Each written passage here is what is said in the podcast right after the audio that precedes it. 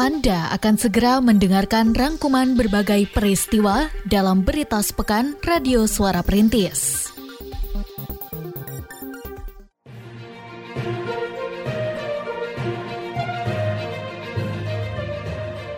Berita sepekan Radio Suara Perintis FM Kota Sukabumi.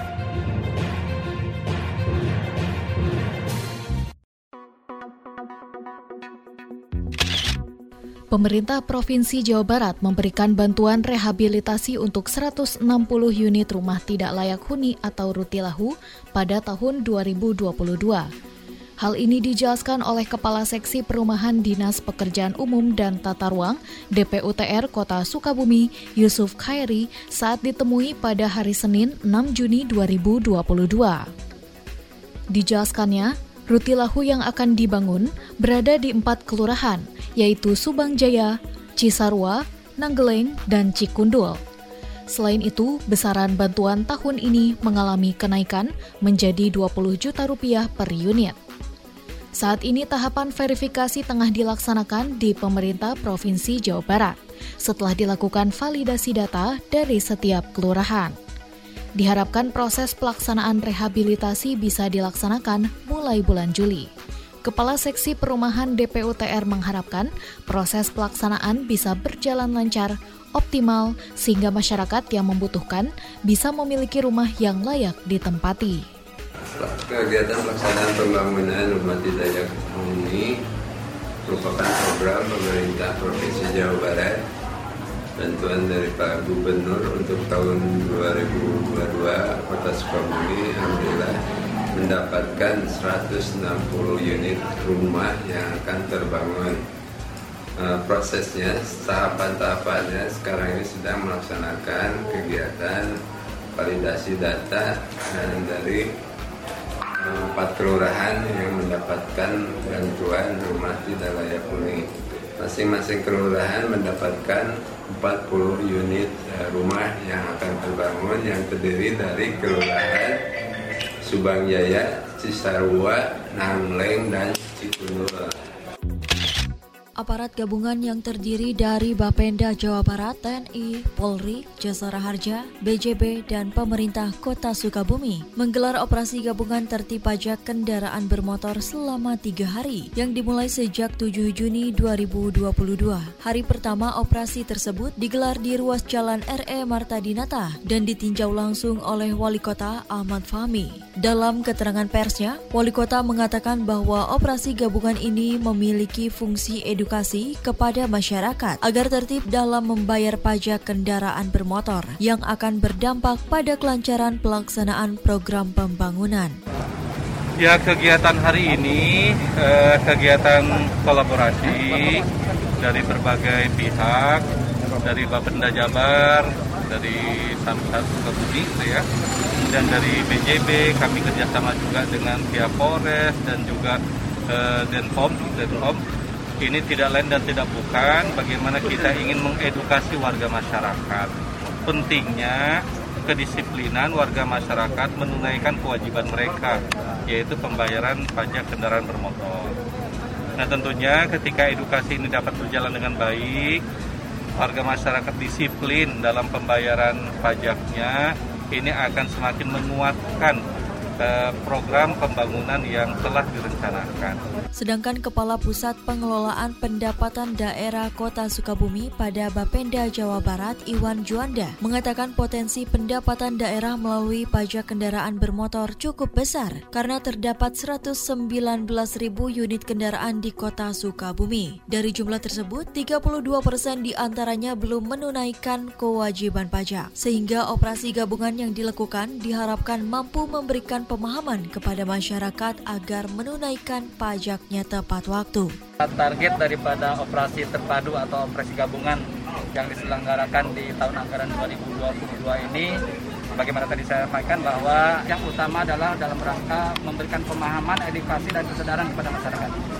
Ya tentunya kalau bukan hanya toh kita e, di dalam rangka menggali penerimaan hari ini itu tidak cukup karena kemungkinan kalau e, hanya kita memperoleh apa mengharapkan pendapatan hari ini tidak cukup untuk tiga hari karena jumlah uh, kendaraan yang tidak melaksanakan daftar ulang ini dari 119 ribu kendaraan roda uh, 2 dan roda 4 potensi kota Sukabumi itu luar biasa KTMD besar. Jadi ada 32 persen atau sejumlah uh, 40 ribu uh, kendaraan roda 2 dan roda 4 yang tidak melaksanakan. Dinas Pendidikan dan Kebudayaan Kota Sukabumi melalui bidang kebudayaan menggelar rapat koordinasi pengusulan warisan budaya tak benda WBTB pada hari Selasa 7 Juni 2022 di Aula Pertemuan Dinas. Kepala Bidang Kebudayaan Dinas Pendidikan dan Kebudayaan Rita Handayani mengatakan bahwa dalam rapat yang menghadirkan pihak yang berkompeten akan dibahas mengenai pengusulan gotong sisik, gotong lisung, dan bahasa Widal sebagai WBTB, termasuk Mochi yang telah lulus sesuai dengan hasil kurasi tim kurator Jawa Barat. Dijelaskannya, untuk meraih status WBTB, setiap objek harus memenuhi standar yang telah ditetapkan oleh UNESCO. Keterlibatan para ahli dalam pengusulan ini adalah untuk mengatasi kendala dalam pengajuan WBTB seperti kurangnya kajian maupun catatan mengenai objek yang diusulkan. Penetapan WBTB seperti dijelaskan oleh Kepala Bidang Kebudayaan adalah sebuah strategi pemerintah untuk melestarikan kebudayaan sekaligus mengenalkan potensi kota Sukabumi secara luas. Jadi rapat koordinasi uh, teknis pengusulan warisan budaya tak benda ini merupakan strategi ya terutama dalam uh, strategi pemerintah daerah dalam upaya pelestarian uh, kebudayaan di Kota Sukabumi khususnya untuk pengusulan warisan budaya tak benda. Kurasi dari apa namanya tim kurator Provinsi Jawa Barat yang masuk uh, dari Kota Sukabumi itu adalah Mochi seperti itu. Kemudian juga kami diberikan uh, peluang untuk mengusulkan warisan budaya tak benda yang lain. Jadi selain Mochi juga kami mengusulkan gotong sisik, ya, gotong lisung dan widal.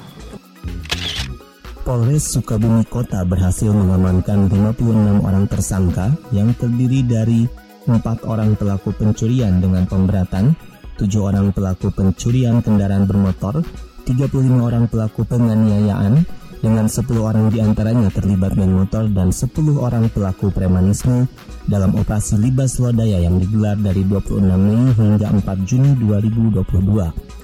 Kapolres Sukabumi Kota AKBP SY Zainal Abidin dalam konferensi persnya pada Selasa 7 Juni 2022 mengatakan bahwa dalam kegiatan tersebut pihaknya berhasil mengungkap 38 perkara yang menjadi target operasi maupun non-operasi. Pada operasi Libas Lodaya, Polres juga berhasil mengamankan dua orang tersangka pembacokan terhadap pelajar di Jalan Proklamasi Kelurahan Jaya Raksa, Kecamatan Baros para pelaku yang masih di bawah umur diproses sesuai dengan ketentuan yang berlaku. Dijelaskan pula bahwa beberapa barang bukti turut diamankan, di antaranya satu unit mobil, tujuh unit motor, termasuk obat-obatan terlarang. 2022 ini berlangsung selama 10 hari, mulai dari tanggal 26 Mei sampai dengan 4 Juli 2022. Adapun sasaran dari kegiatan operasi Libas Lodaya 2022 ini adalah kejahatan curat, curas, ceramor, kemudian pengeroyokan, penganiayaan, termasuk kejahatan geng motor, dan termasuk tindak pidana yang menggunakan senjata tajam. Adapun tersangka yang dapat kami amankan sejumlah 56 orang, di mana tersangka pelaku curat sebanyak empat orang, kemudian curanmor sebanyak tujuh orang, kemudian penganiayaan sebanyak 35 orang, di mana dari 35 tersebut 10 orang dinyatakan terlibat sebagai anggota geng motor. Kemudian tersangka premanisme yang dapat kami amankan sebanyak 10 tersangka. Camat Warudoyong Ratna Hermayanti saat ditemui di kantornya pada hari Selasa 7 Juni 2022 menegaskan bahwa sejauh ini proses pelaksanaan program pemberdayaan dukun warga P2RW masih dalam tahap perbaikan proposal setelah dilakukannya verifikasi oleh tim Monef tingkat kota dan belum sampai ke tahap pencairan. Dari hasil verifikasi seperti dijelaskan Camat Warudoyong, baru terdapat 60% proposal dari RW yang telah diperbaiki. Ia menjelaskan pula saat ini pihaknya tengah menunggu hingga semua proses perbaikan selesai dan kemudian akan dilanjutkan dengan tahap pengesahan proposal. Tim Fasmonep tingkat kota dari pihak Dinas PU, pihak bagian Tapem dan Kasih PPM Pembangunan Kecamatan telah melaksanakan verifikasi akhir. Nah, di mana verifikasi proposal dari tiap ketua RW ini ada yang lolos uh, sepenuhnya uh, selesai, ada yang perlu diverifikasi atau diperbaiki. Nah, sekarang tahapannya sedang diverifikasi, uh, sedang diperbaiki di mana uh, setelah diverifikasi oleh tingkat kota itu baru mencapai 60% yang telah diperbaiki oleh tingkat KRWA. Sampai dengan saat ini belum ada pencairan satupun karena tahapannya baru perbaikan verifikasi proposal dari tingkat KRWA.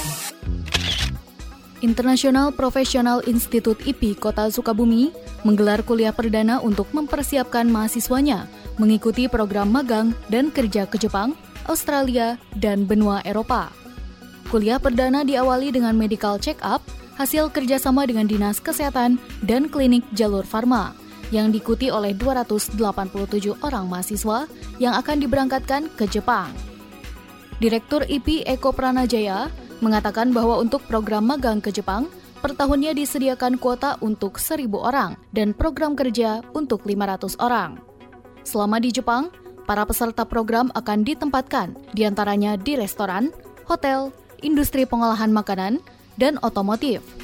Sedangkan untuk di Australia, peserta program magang dan kerja akan difokuskan pada sektor pertanian, hotel, dan restoran. Dijelaskan pula bahwa kuota peserta magang dan kerja ke Eropa disediakan untuk 350 orang dan saat ini baru terisi oleh 120 orang. Hal serupa juga terjadi pada program ke Jepang karena sejauh ini baru diikuti oleh 287 orang. Dengan masih tersedianya kuota tersebut, Direktur IP menyatakan bahwa pihaknya masih membuka kesempatan bagi masyarakat untuk bergabung dengan program magang dan kerja ke luar negeri. Program ini dipersiapkan untuk memenuhi kebutuhan uh, peserta magang kerja di Jepang, uh, Eropa dan di Australia. Untuk Jepang sendiri kebutuhan magang yang kami tanda tangani MOU-nya sebanyak 1000 orang per tahun. Untuk kerja di Jepang itu 500 orang. Sektor-sektornya uh, itu bergerak di bidang restoran, hotel, pertanian, uh, kemudian pengolahan makanan, otomotif dan lain sebagainya. Kemudian untuk Eropa Timur kita uh, fokus ke dunia hospitality ya dalam hal ini restoran dan hotel. Australia kita fokus di uh, pertanian dengan uh, hotel dan restoran. Kita sangat terbuka program pelatihan ini uh, masih dibuka sampai dengan September 2022. Pemberangkatan calon jemaah haji Calhaj asal kota Sukabumi akan dipusatkan di Gedung Juang pada 24 Juni mendatang. Hal tersebut menjadi salah satu kesepakatan dalam rapat koordinasi pemberangkatan Calhaj pada hari Kamis 9 Juni 2022 di Balai Kota. Sekretaris Daerah Dida Sembada yang memimpin jalannya rapat menerangkan bahwa Calhaj Kota Sukabumi yang akan diberangkatkan tahun ini berjumlah 125 orang dan rencananya pada hari pemberangkatan akan dilepas oleh wali kota. Diharapkannya, setiap pihak yang terlibat dalam proses pemberangkatan bisa menjalankan fungsinya dengan baik sehingga segala sesuatu hal yang berkaitan dengan proses ini bisa berjalan dengan lancar. Sementara Kepala Bagian Kesra Setda, Herman Permana, menerangkan bahwa rencananya Calhaj akan berangkat pada pukul 22.00 waktu Indonesia Barat dan rapat ini berfungsi untuk menegaskan peran setiap pihak dalam proses pemberangkatan. Dan ini mudah-mudahan dengan rapat ini uh, jemaah haji yang akan kita berangkatkan lebih merasa nyaman, aman dan uh, tenang di dalam melaksanakan ibadah hajinya.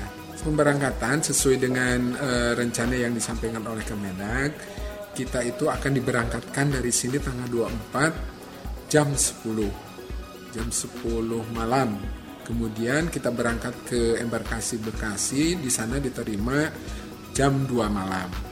Seperti itu. Insya Allah keberangkatan ke Mekahnya malamnya kemudian beri tanggal 26-nya, eh, tanggal 26 ya betul. Wali Kota Ahmad Fahmi membuka secara resmi pelaksanaan program UMKM Jabar Juara pada hari Jumat 10 Juni 2022 bertempat di BJB Kota Sukabumi. Hadir pada kesempatan tersebut, Kepala Bidang Usaha Kecil Dinas Koperasi dan Usaha Kecil Diskuk Jawa Barat, Kepala Diskuminda Kota Sukabumi, pimpinan BJB, dan tamu undangan lainnya. Koordinator UMKM Jabar Juara, Puji Rahayu, mengatakan bahwa untuk tahun ini sebanyak 135 UMKM yang di antaranya bergerak di bidang kuliner, busana, dan jasa. Dalam program ini, para pelaku UMKM akan diberikan berbagai materi, termasuk motivasi untuk mengembangkan usaha mereka. Sedangkan wali kota menyampaikan apresiasinya kepada pemerintah Provinsi Jawa Barat karena turut memajukan UMKM Kota Sukabumi melalui pelaksanaan program ini. Disampaikan pula bahwa sektor UMKM akan terus diperkuat karena sudah menjadi bagian dari komitmen pemerintah provinsi yang dibuktikan dalam konsep tujuh ekonomi baru pasca terjadinya pandemi COVID-19. Alhamdulillah yang pertama tentunya kami menyampaikan apresiasi kepada pemerintah Provinsi Jawa Barat yang senantiasa memberikan dukungan penuh untuk peningkatan kualitas UMKM di Kota Sukabumi dengan program UMKM Jabar Juara. Dan tentunya kami berharap terjadi kenaikan kelas dari para UMKM, mereka bisa semakin kuat, bisa semakin mandiri dan juga dapat menarik orang lain untuk menjadi pelaku UMKM yang hebat.